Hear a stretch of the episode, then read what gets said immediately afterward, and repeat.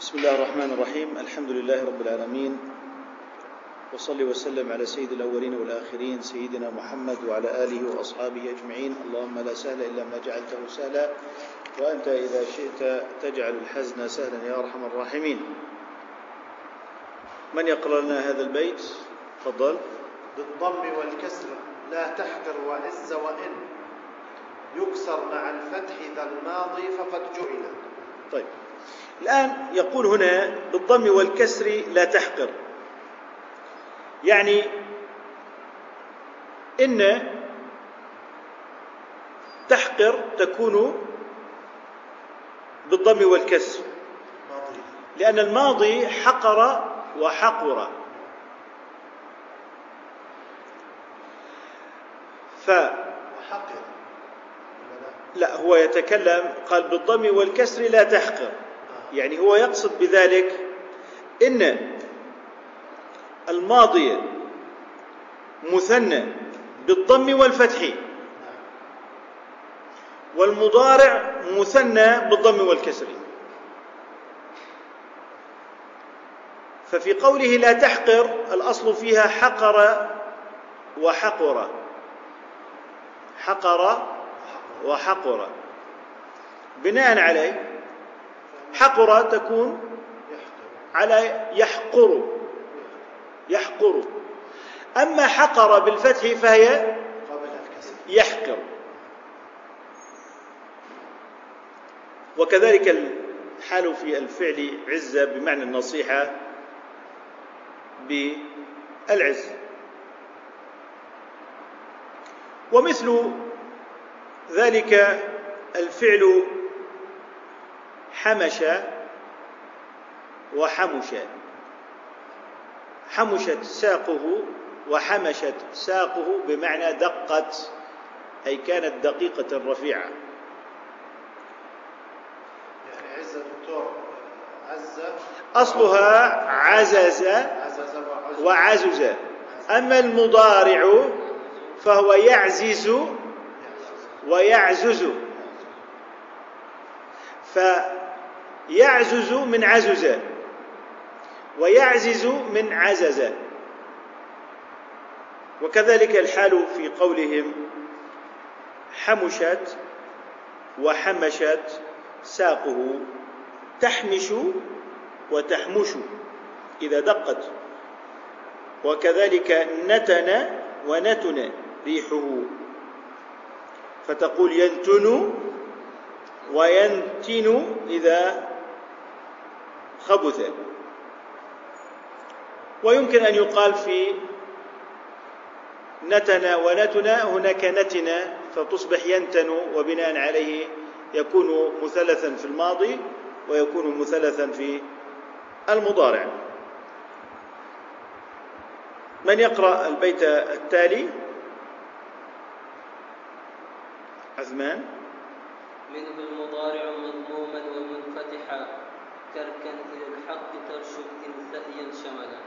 إن ثأن إن ثأن شملا. يقول هنا متابعا للبيت الذي سبقه وإن يكسر مع الفتح ذا الماضي فقد جعل منه المضارع. بمعنى إذا كان الماضي مفتوحا ومكسورا كقولهم ركن وركن. ركن وركن. فإن المضارع بعد ذلك يصبح مضموما ومنفتحا. إذن ركن يركن. وركن يركن. كقولهم كركن إلى الحق ترشد إنثاء شملا إذا تقول شمل أصلها شمل وشمل. يعني الفتح يقابله الضم والكسر يقابله الكسر. هنا هنا يقول لك شمل يشمل شمل يشمل. وشمل؟ شمل. لا عفوا. هو يقول لك هنا في هذه الحالة التي نحن نتكلم فيها فيها الماضي الفتح مع الكسر. ركن يركن. الفتح قابل للضم ركن يركن. وركن يركن بالضم. ركن يركن. شمل يشمل. شمل يشمل. شمل يشمل. ومثلها كذلك نكب عن الطريق فتقول ينكب وينكب. وكذلك الحال في نكف ينكف وينكف ينكف بالفتح. وهكذا بقية الأمثلة يمكن أن تقاس على هذه. أحيانا عندما يعني آه، نستطيع أن نقعد نستطيع أن نقعد إلى تسعين في المئة. لكن في مرحلة ما سنجد أن القاعدة في بعض الحالات لا تنطبق. واضح؟ فلو قلنا مثلا ركن يركن ركن ما جانب الضم هنا يركن. مثلا. لا يوجد جانب من جوانب الضم. كذلك عندما قلنا بالشهرة. الرواية عن العرب في هذا. زي رجع يرجع. فإن قياسه يرجع. لأنه حلقي ولم يزاحم ذلك جانب آخر من جوانب الكسر والضم. البيت التالي. وقد يرى كالمضي شكلا خصبت رجا فاضبط ولا تحقدا واحنف إلى هزل هزلا نعم. الآن يتكلم عن فعل في الماضي والمضارع فيها على وجهين. يفعل ويفعل. ويفعل كقولهم خصب يخصب ويخصب. غبط يغبط يغبط ويغبط. وهكذا كقولهم حنف أيضا وهزل ففي هذه الحالات التي هي كسر فيها العين في الماضي فإنك تعطي الكلمة في المضارع وجهين وجه بالكسر ووجه بالفتح.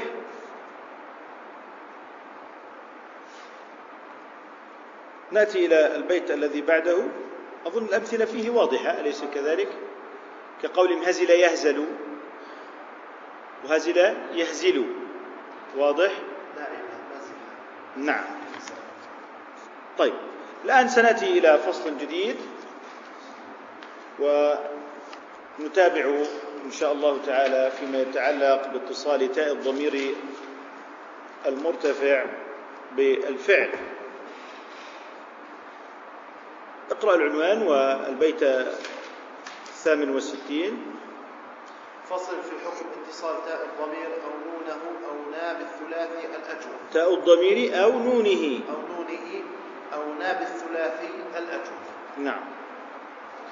وانقل لفاء الثلاثي شكل عين إذا اعتلت إذا اعتلت وكان بت الإضمار متصلا. وكان بت الإضمار. بت الإضمار متصلا. اقرأ البيت التالي أيضا. أو نونه وإذا فتحا يكون فمنه اعتض مجانس اعتض بالسكون. اعتض مجانس تلك العين منتقلة.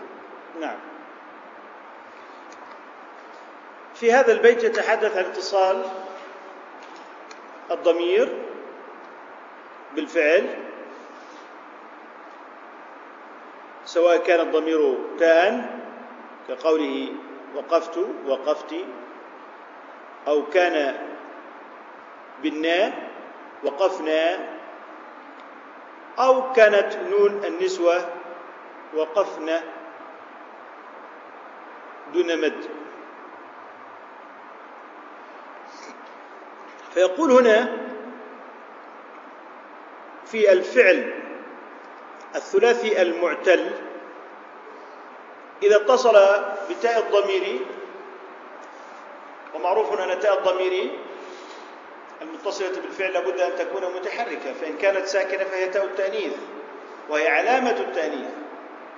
تقول كتبت التاء علامة التأنيث وليست فعلا فاعلة لكنها تكون فاعلا عندما تكون متحركة. كتبت للمتكلم كتبت للمخاطب المؤنثة كتبت للمذكر المخاطب المفرد. إذا التاء المتحركة هي الفاعل وهو هنا موضع الحديث عن التاء المتحركة المتصلة بالفعل وهي تاء الضمير. يقول إن الفعل المعتل إذا اتصلت به تاء الضمير فإنك تقوم بما يأتي. على نحو قال تسكن الفعل الأخير.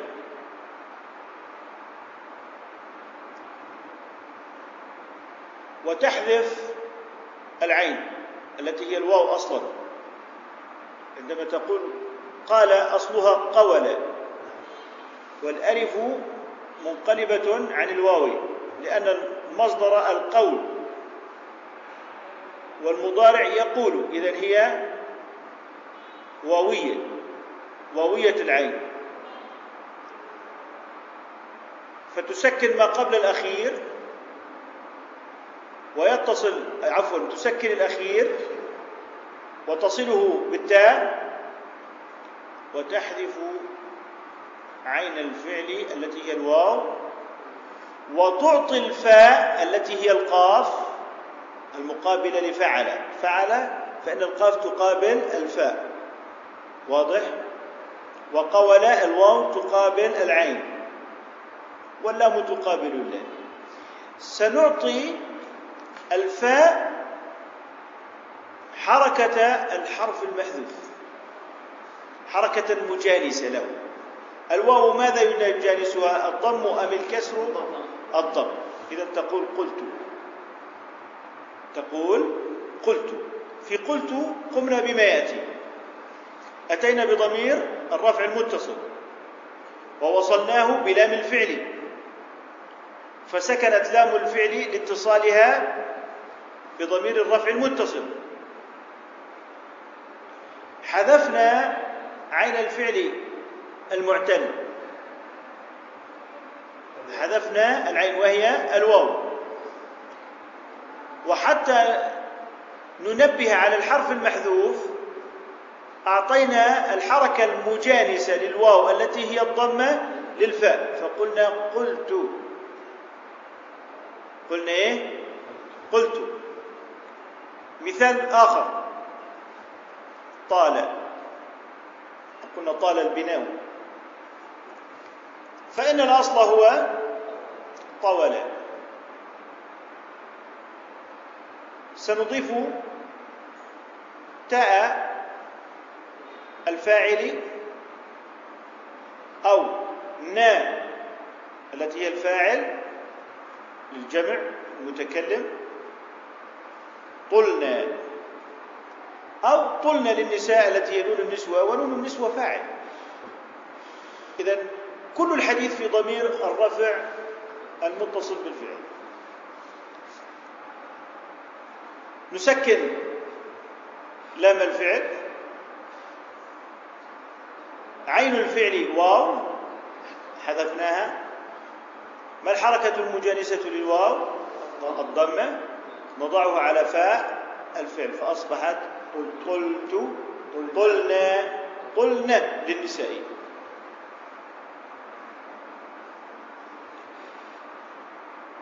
نأتي على مثال آخر.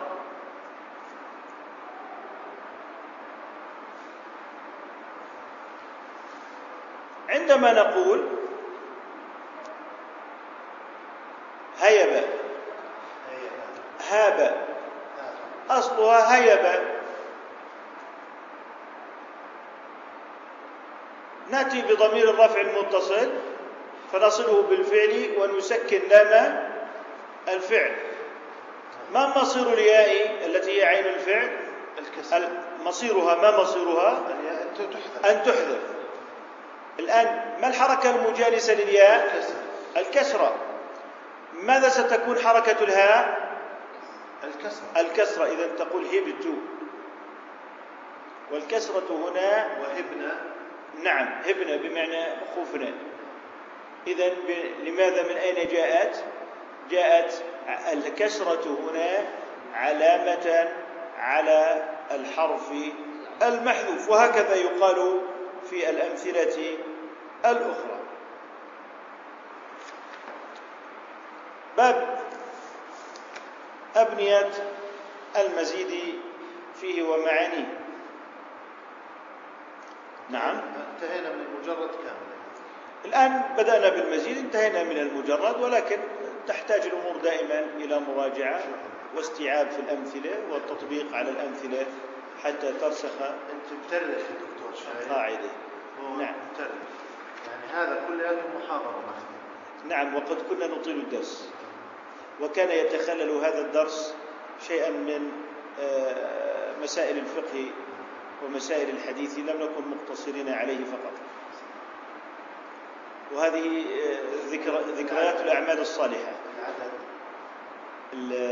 كم عدد؟ الطلبة؟ كنت واحدا وحدي. وحدي مع الشيخ. وكان جزاه الله خير صبورا عليه. طيب. آه ناتي إلى باب أبنية المزيد فيه ومعانيه. باب أبنية المزيد فيه ومعانيه. كأعلم الفعل يأتي بالزيادة مع ولا وولى استقام استقام رنجم رنجما فصلا. استقام رنجما فصلا.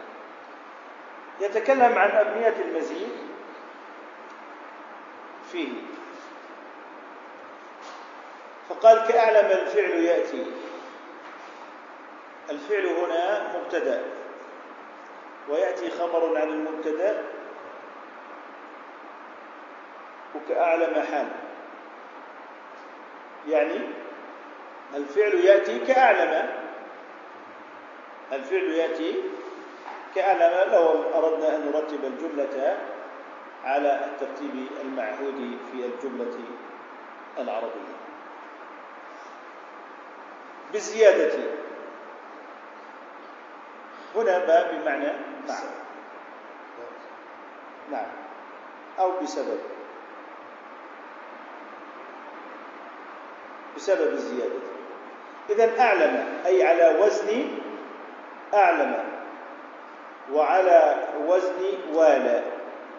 وولى واستقام وحرنجم وانفصل.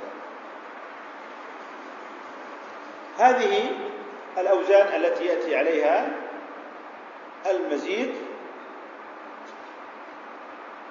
وبعد ذلك الآن سيبدأ بالحديث عن معاني المزيد. يعني الفعل أعلم ما المعاني التي يضيفها أعلم؟ لا شك أن علم تختلف عن أعلم. فإن قلنا أعلم ما المعاني التي نستفيدها من قولنا أعلم. من يقرأ؟ نعم. بأفعل استغن أو مج- مجرده وللإزالة والوجدان قد حصل. يقول من معاني أفعل الاستغناء عن المجرد. الاستغناء عن المجرد. فلو قلنا أفعل هنا ما مجردها؟ فعل. إذا فعل الآن سيغني عنها أفعل كقولهم أقسم بمعنى حلف. فأقسم أغنت. وتدعوك الاستغناء عن قسمه فلا تقول قسمت بالله. تقول أقسمت. واضح؟ وكذلك أفلح بمعنى فاز تغنيك عن فلح. لا ما, ما نقول فلح فلان نقول أفلح. بمعنى فاز. وكذلك أعنق وهو نوع من السير الذي هو العنق. إذا هنا الفعل المزيد أفعل أغنى عن الثلاثي المجرد. ومثال ذلك أقسم وأفلح. فأقسم أغنت آه، آه، عن آه، قسم وأفلح أغنت عن فلح. ثم قال أو طاوع مجرده. فمطاوعة المجرد كقولهم مريتها فأمرت. وهو يقال لحلب الناقة دون ولدها كانوا عادة إذا وأظن هذا كان يأتي في الدرس أنه من عادة البدو أو في حلب الإبل حتى تحلب الناقة يأتون بولدها إلى جوارها. فيقولون مريتها فأمرت إذا حلبت حلبتها دون ولدها دون أن يأتي ولدها إلى جوارها. وضأرتها فأضأرت. فهنا أضأرت مطاوعة للفعل أضأر.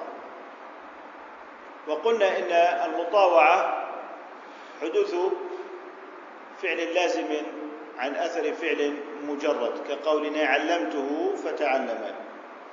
علمته فتعلم علمته متعدي. والفعل تعلم حدث أثرا للفعل المتعدي. وهنا كذلك مريتها فأمرت وأضأرتها فأضأرت وكذلك أضرمتها. تقول ضرمتها فأضرمت. ومخضته فأمخض وهو معنى المطاوعة. إذا الفعل أفعل يأتي بمعنى المطاوعة للفعل الذي يناسبه. ثم قال وللإزالة معنى الإزالة. أقذيته. أزال القذى عنه. أقذت الأم ولدها أزالت القذى عن عينه. وكذلك أشكيته. وكذلك أشكيته أي أزلت شكواه. وفي الحديث شكونا إلى رسول الله صلى الله عليه وسلم. شدة الحر في الرمضاء فلم يشكني. أي لم يزل شكوانا عتبني فأعتبته. أي أزلت عتبه. وفي قوله تعالى وما هم من المعتبين. أي لا يزال عتبه. إذا أعتب هنا بمعنى الإزالة أي أزال العتب وأزال الشكوى كقولهم أعجم. الكتاب إذا أزال عجمته. إذا ومنه أيضا قوله تعالى إن الساعة آتية أكاد أخفيها أي أزيل خفاءها. إذا أخفيها هنا هي خافية أصلا أليس كذلك؟ إذا أخفيها أي أكاد أن أظهرها. فأزيل خفاء. إذا أفعل هنا بمعنى إيه؟ الإزالة.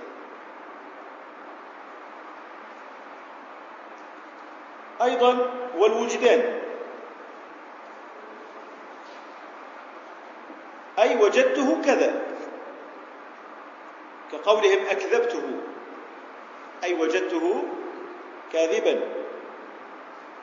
ومنه قوله تعالى فإنهم لا يكذبونك. قالوا قالون إذا ما معنى لا يكذبونك هنا؟ إذا قلنا إن أكذب معناها الوجدان. إنهم لا يجدونك كاذبا يكذبونك قراءة نعم. فأنت إذا جدت هذيك من فعل هي من أفعل فإذا قلت ما الفرق بينهما؟ أن هنا يكذبونك معناها وجود الشيء على حالة, حالة كذا أي لا يجدونك كاذبا. أكذبته أي وجدته كاذبا. ومنه آه، ما ينقل عن مع عن عمرو بن معدي كربه ابن ابن معدي كرب وليس معدي يكرب هناك خطأ شائع يقول معدي يكرب لا هو معدي كرب قال لله در بني سليم. لقد سألتها فما أبخلتها أي ما وجدتها بخيلة وقاتلتها فما أجبنتها أي ما وجدتها جبانة وهاجيتها فما أفحمتها كانت هي التي أهجى منه. إذا هذه من المعاني التي آه، يأتي لها أعلم وسيستمر أو سيضيف ابن زين بعد ذلك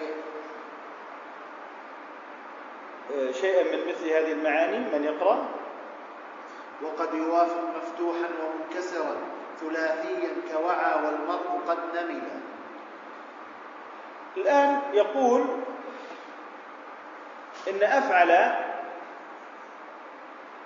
قد يوافق فعل اللي هو معنى قوله مفتوحا. وقد يوافق فعل وهو معنى قوله منكسرا. ثلاثيا كوعى والمرء قد نمل وقد أتى لك بالمثلين في عجز البيت. فتقول أوعى وافق معنى الثلاثي المفتوح العين من وعى. وقوله تعالى وجمع فأوعى.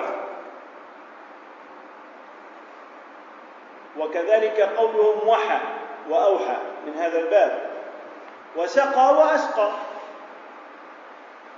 إذا أسقى على وزن أفعل فهي توافق في المعنى الفعل سقى. وسرى وأسرى. سرى وأسرى. إذا لا نقول أن هذه همزة التعدية. لا. هنا أفعل يوافق الثلاثية في المعنى. سرى وأسرى. لذلك في قوله تعالى سبحان الذي أسرى بعبده. بقي الفعل لازما. واضح؟ وكذلك الحال من صاب. صاب وأصاب. وكذلك الحال شكل الأمر عليه وأشكل. فهنا الرباعي على وزن أفعل الرباعي على وزن أفعل جاء موافقا للمعنى للثلاثي على وزن فعل. آه، وطبعا مما ندر مجيء أفعل لازما وفعل متعديا قولهم كبه لوجهه فأكب. كبه لوجهه فأكب. وطبعا هذا بيكون من باب المطاوعة. من باب المطاوعة.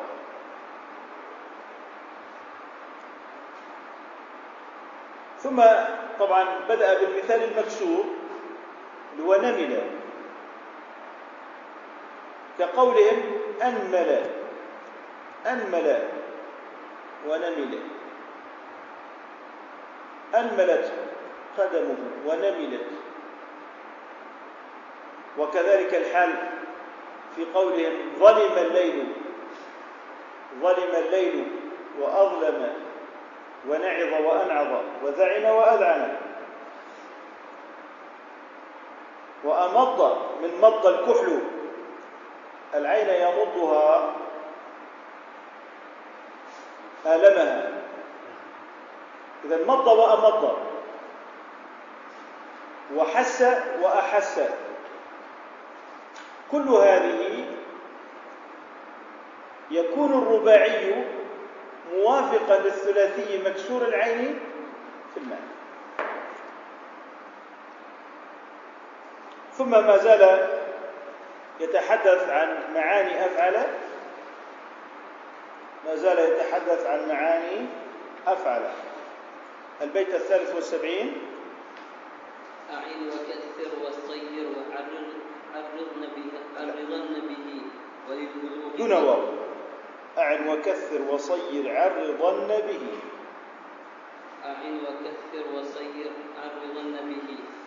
لل- وللبلوغ. وللبلوغ وللبلوغ كأما كأمأى أي بلغت إبله مئة. كأمأى جعفر إبلا نعم. أمأى بلغت الهند مش 100 ناقة نعم. الهند. الهند. آه عندما تقول هند اسم هند أها. 100 ناقة هذا معناه اللغوي والله أعلم. لا أعرف اسم حماد لا أعرفه. لا أعرفه. الهند معروف السيوف الهندية كانت منسوبة إلى الهند يعني. لا أدري يعني إذا كانت هذه الهند تعني مئة ناقة ما أعلم ذلك. لكن هنا يتكلم عن معاني أفعل. فيقول من معاني أفعل الإعانة. فقال أعن كقولهم أحلبه أعانه على الحلب. وأذاده أعانه على الذود والذود هو دفع الإبل عن الحوض. وكذلك قوله أخبرنا صالحا. عندما قال تميم للحجاج في مصلوب صلبه الحجاج قال له أخبرنا قال له أخبرنا صالحا. أي أعنا على هذا المصلوب فأعطنا إياه وأعطنا هذا القتيل لنقبره.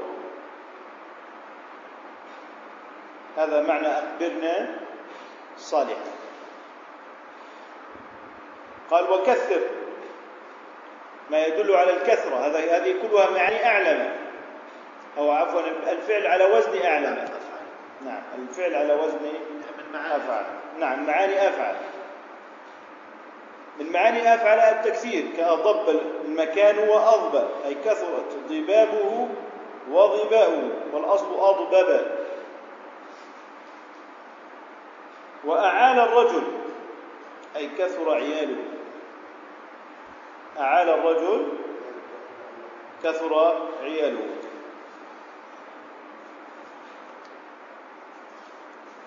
إذا هذا معنى التكثير.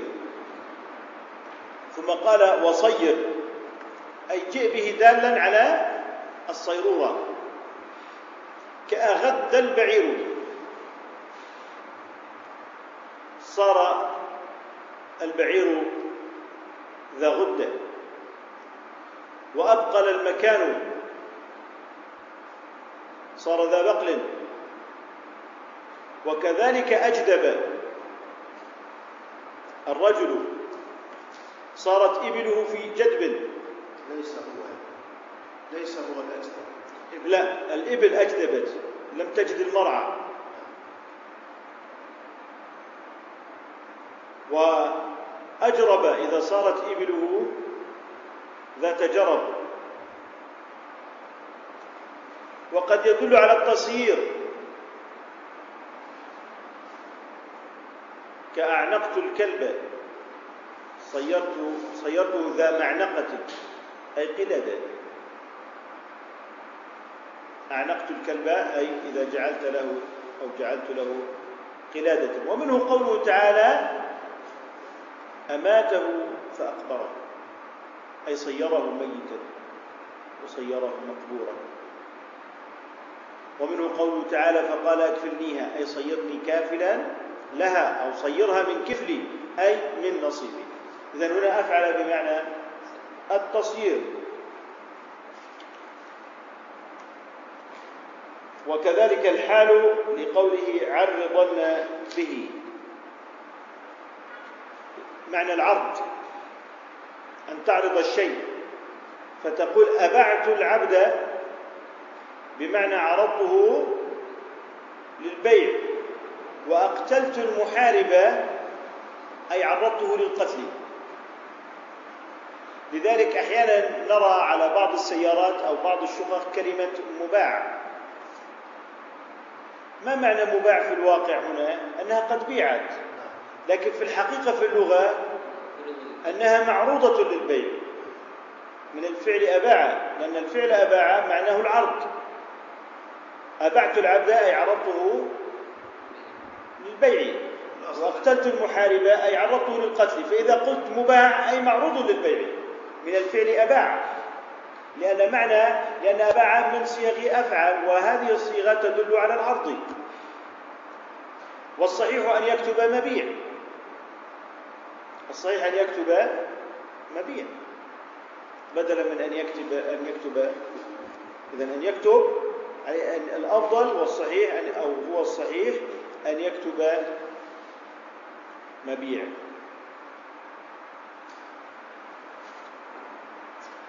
ثم قال من معاني أفعل للبلوغ كأمأى أمأى جعفر إبلا أي بلغت إبل جعفر المئة.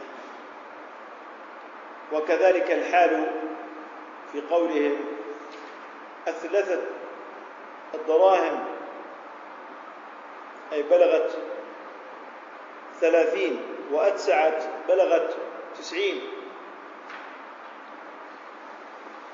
وكذلك القول أربعت وأخمست وأسدست وأسبعت. وأثمنت.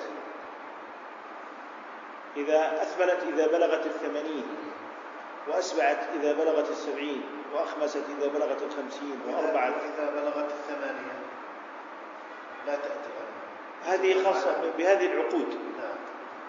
هذه في هذه العقود.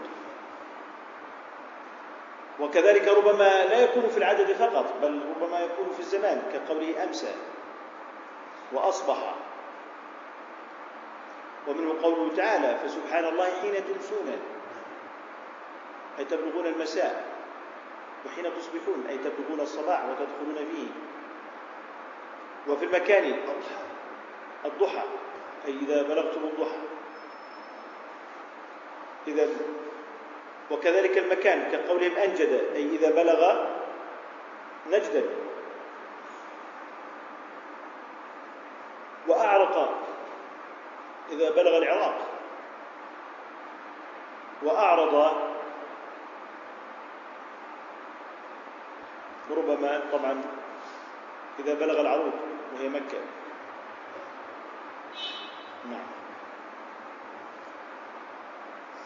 ويقال أمدنا إذا بلغ المدينة ولا هذه خاصة في الأسماء يعني أي مدينة. أنت إذا قلت له أمدن أي مدينة؟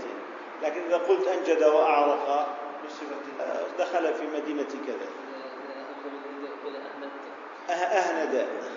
لقد أهند. نعم إذا بلغ عثمان الهند سيقول سنقول أهند. أهند عثمان. ثم نأتي إلى البيت التالي. وعدين به. وعدين أي من التعدي. وعدين به وأطلقن وقس و- ونقلبن غيره. ونقلنا.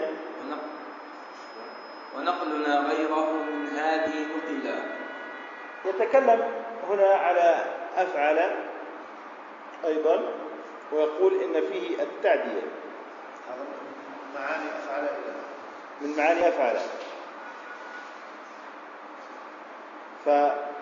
فعندما تقول رأيتك الفعل رأى متعدي. لكن إذا قلت أريتك أريتك شيئا أصبح تعد- متعدي إلى مفعول زائد.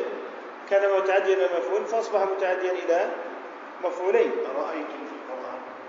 هذا آه، أرأيت لا لا لا لا هنا ما أخذ أك- أكمل الآية. أرأيتك هذا؟ لا، هو هو رأى تأخذ مفعولا دائما لكن قد تأخذ مفعولين وقد تكون رؤيا الرؤيا البصرية وقد تكون الرؤيا القلبية.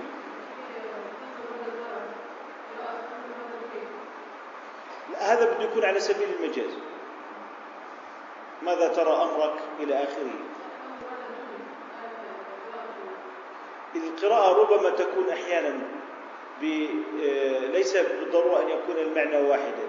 السؤال هنا يعني يتكلم أو يسأل هل رأى تأخذ مفعولا واحدا؟ أحيانا يحذف المفعول. واضح؟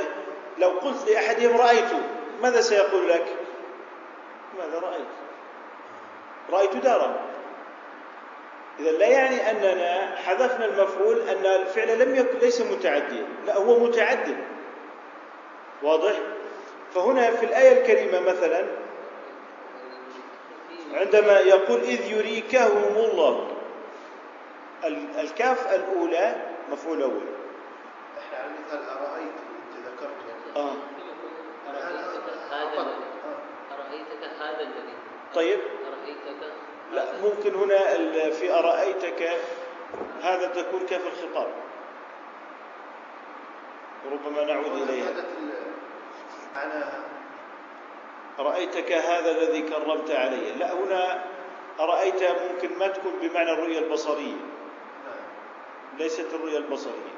مش الاستثناء ليس بمعنى رأى بمعنى رأى شيئا. واضح؟ ليست بمعنى رأى شيئا.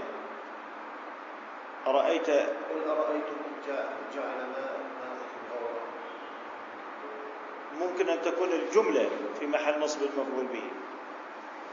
تكون الجملة مفعول به سد الجملة سدت مسد المفعول به. أو ممكن. يعني أنت صح لا تجد هنا مفعولا به مفردا إنما تجد- تجده جملة. هذا الذي كرمت عليه فتكون الجملة في محل نصب مفعول به. واضح؟ مثل قلت قولا قلت إن أحمد مجتهد. إن أحمد مجتهد جملة مقول القول في محل نصب مفعول به. إذا لا يعني أننا لم نجد مفعولا به مفردا أنه لا يوجد مفعول. بل قد تكون الجملة في محل نصب مفعول به. عندما قال إذ يريكهم الله تعدى هو إلى مفعول واحد لكن لما قال يريكهم من الفعل أراك. نعم. إذا تعدى إلى مفعول آخر.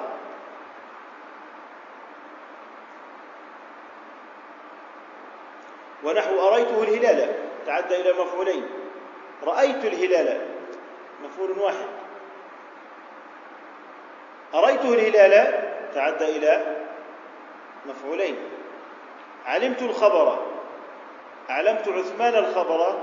تعدى إلى مفعولين بعد أن كان متعديا إلى مفعول واحد. إذا يأتي أعلم أو على وزن أفعل ما يدل على التعدي فإذا كان الفعل متعديا إلى واحد أصبح متعديا إلى مفعولين. نعم. فإن كان لازما أخذ مفعولا. يعني ممكن نام لازم. فإذا نيمت الأم أو نومت الأم ولدها تقول أنمت الولد. أصبح متعديا قال وقس من القياس. يعني إن أفعل متعديا يكون قياسيا. يكون قياسيا. في غير هذه المعاني التي ذكرها. إذا كون أعلم متعدي هذا أمر قياسي. يمكن أن تشتق من أي فعل آه، ما كان على وزن أفعل ليكون الفعل متعديا. وهو أمر قياسي. ثم انتقل إلى صيغة جديدة وهي صيغة فاعل.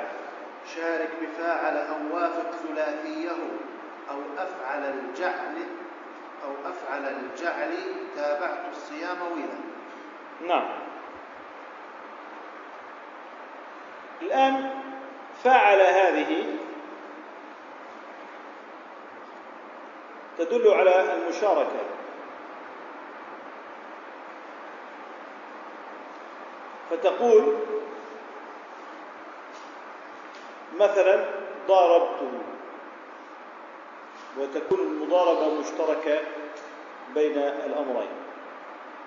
لكن هنا لا يعني أن كليهما فاعل. المفاعلة لا تعني أن كليهما فاعل بل أحدهما فاعل والآخر مفعول فتقول ضربته فها أنا ضارب وهو مضروب. وكذلك قاتل زيد عمرا يعني ليس عمرا هو الذي يحدث القتل في في زيد. عندما نقول قاتل زيد عمرا يعني إذا قلنا من المفاعلة نقول إن المشاركة في المعنى ولكن في اللفظ ليس الأمر كذلك.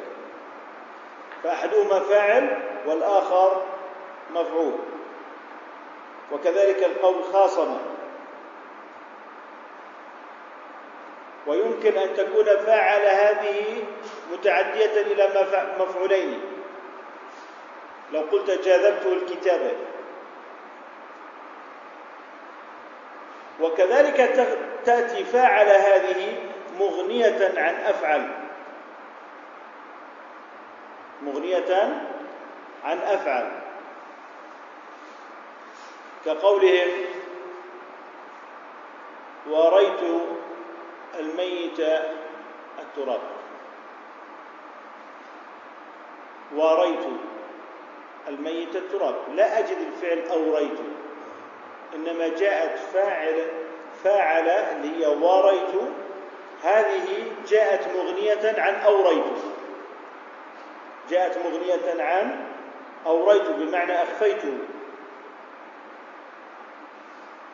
وقد تأتي فاعل أيضا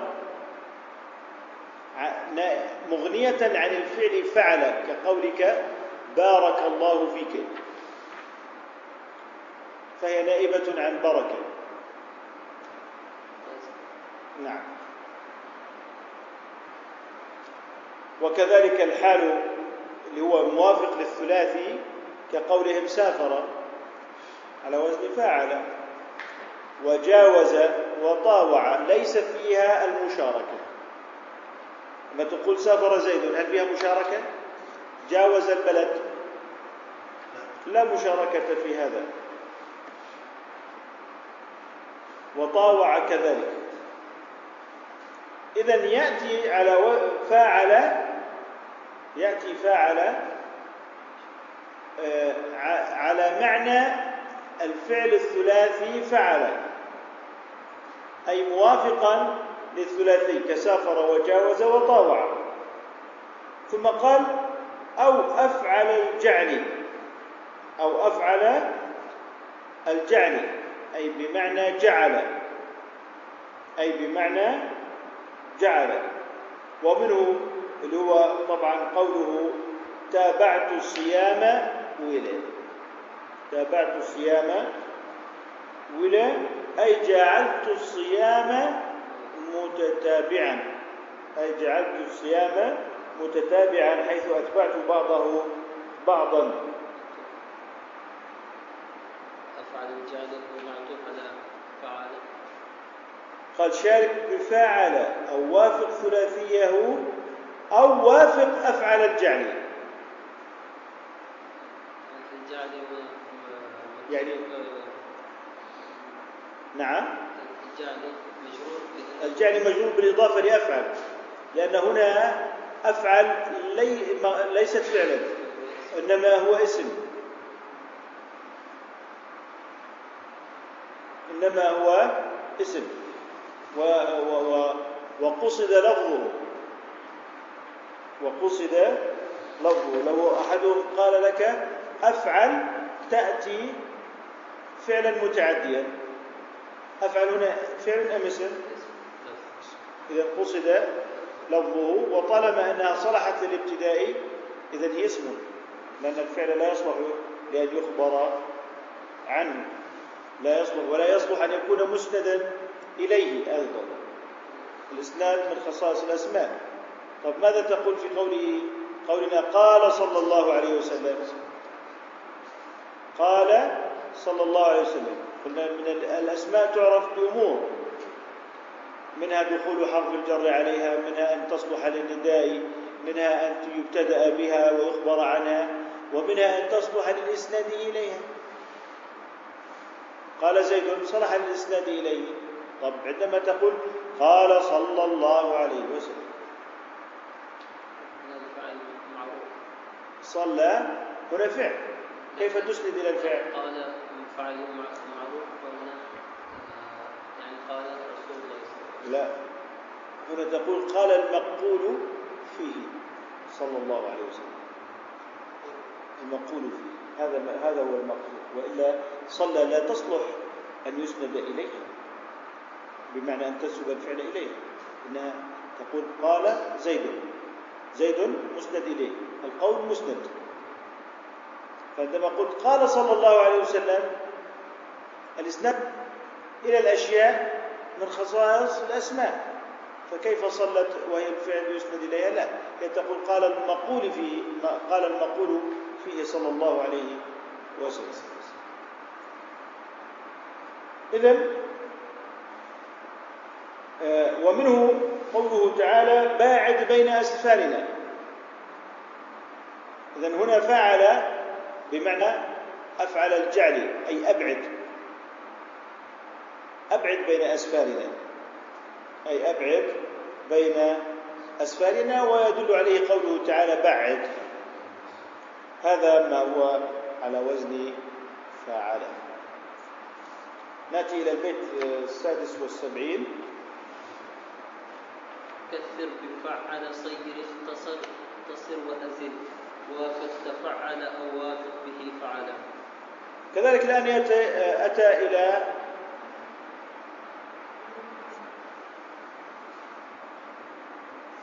موفقون إن شاء الله. أتمنى لكم التوفيق في الامتحان.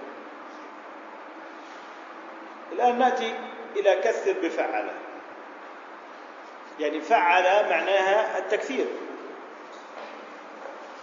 كقولهم طوفت في الآفاق. كقولهم طوفت. حسنات الكرش. آه. طوفت في الآفاق. أي أكثرت التطواف. وجول كذلك.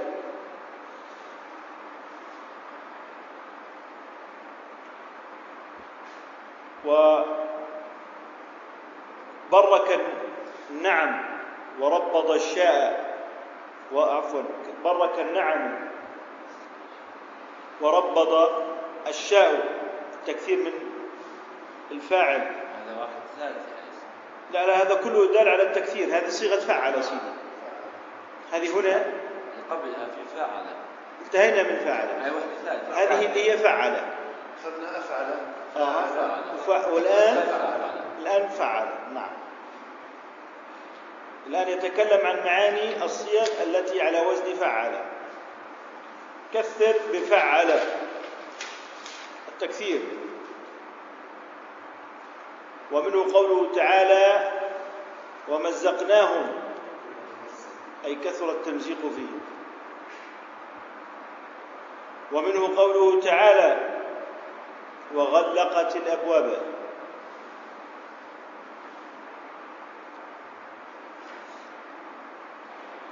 كذلك القول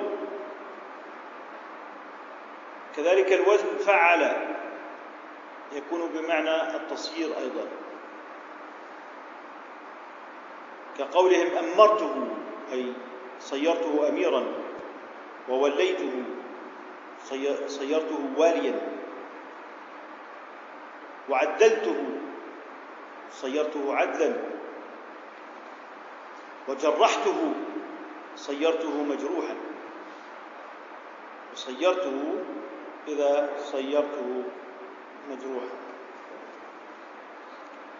وكذلك الحال اختصر. هو الاختصار اختصار من أجل الحكاية حكاية الجمل كهلل.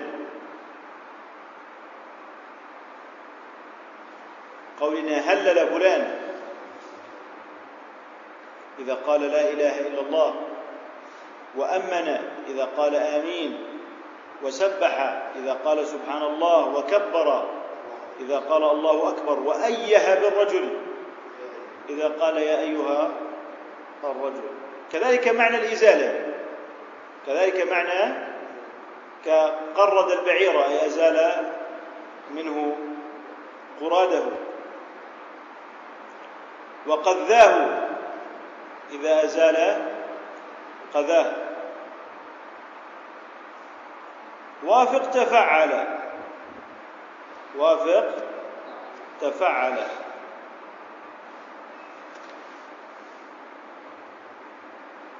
يعني فعل التي هي التي نتحدث عنها توافق تفعل. مثل فكر وتفكر. متوافقة في المعنى. إذا فعل توافق في المعنى تفكر. أو وافق به فعل. مثل شمر. توافق شمر. شمر توافق شمر. وهو البيت التالي. نحن نشرح في البيت التالي أيضا اللي هو فكر وشمر. فكر. فكر وشمر ويغني عن مجرده وجاء تضعيفه من همزة بدلا. هذا ما كان يتكلم فيه وهو أن فعل تأتي مناسبة لتفعل وولى مناسبة لقوله تولى ومنه قوله تعالى ولى مدبرا ولى وكذلك الحال شمر اللي هي فعل توافق الفعل وكذلك يغني عن المجرد. يغني عن المجرد نحو قوله عير أي عاب. إذا يغني عن المجرد. عير عاب الرجل. عير الرجل عاب. طيب ما معنى يغني عن المجرد؟ يعني ما هو على وزن فعل أغنانا عن وزن فعل. فكما أن عير أو فعل تغني عن فعل فإن عير أغنت عن عير. أغنت عن عير. وعول على وزن فعل أغنت عن فعل أغنت عن فعل. ثم بعد ذلك يقول وجاء تضعيفه اللي هو يقصد فعل عن همزة بدل يعني إنه فعل يأتي مضاعفا. طبعا هو يقول إنه مثل الفعل نأى فهناك من يقول تقول نأى. مثلا على سبيل المثال وبعضهم يقول إنه قل التضعيف في ما هو عينه همزة. فيما هو عينه همزة وقال وجاء تضعيفه من همزة بدلا. نأتي إلى البيت الثامن والسبعين. لنختم وللتوجه والتوجيه لو نسبت له كتقبيلنا الموتى لما ثقل. عدل لما عدل لما إذا حتى يستقيم. إذا ثقل. نعم. قال وللتوجه والتوجيه. كشرق وغرب. أي توجه إذ توجه إليهما ومنه قبلت الميت أي وجهته إلى القبلة ثم انتقل بعد ذلك للحديث عن استفعل وسنكمل إن شاء الله تعالى في المرة القادمة. سبحانك اللهم وبحمدك نشهد التوجه لا التوجه أنت تتوجه التوجيه وجهت شيئا فصار نعم. نعم. تقول التوجه مثل شرق. هذا التوجه. التوجيه وجهة الميت. التوجيه قبلت الميت. أي جعلته إلى جهة القبلة. إذا التوجه كشرق وغرب والتوجيه كقولنا قبلت الميت إذا وجهته إلى القبلة. سبحانك اللهم وبحمدك. نشهد أن لا إله إلا أنت. نستغفرك ونتوب إليك. يعني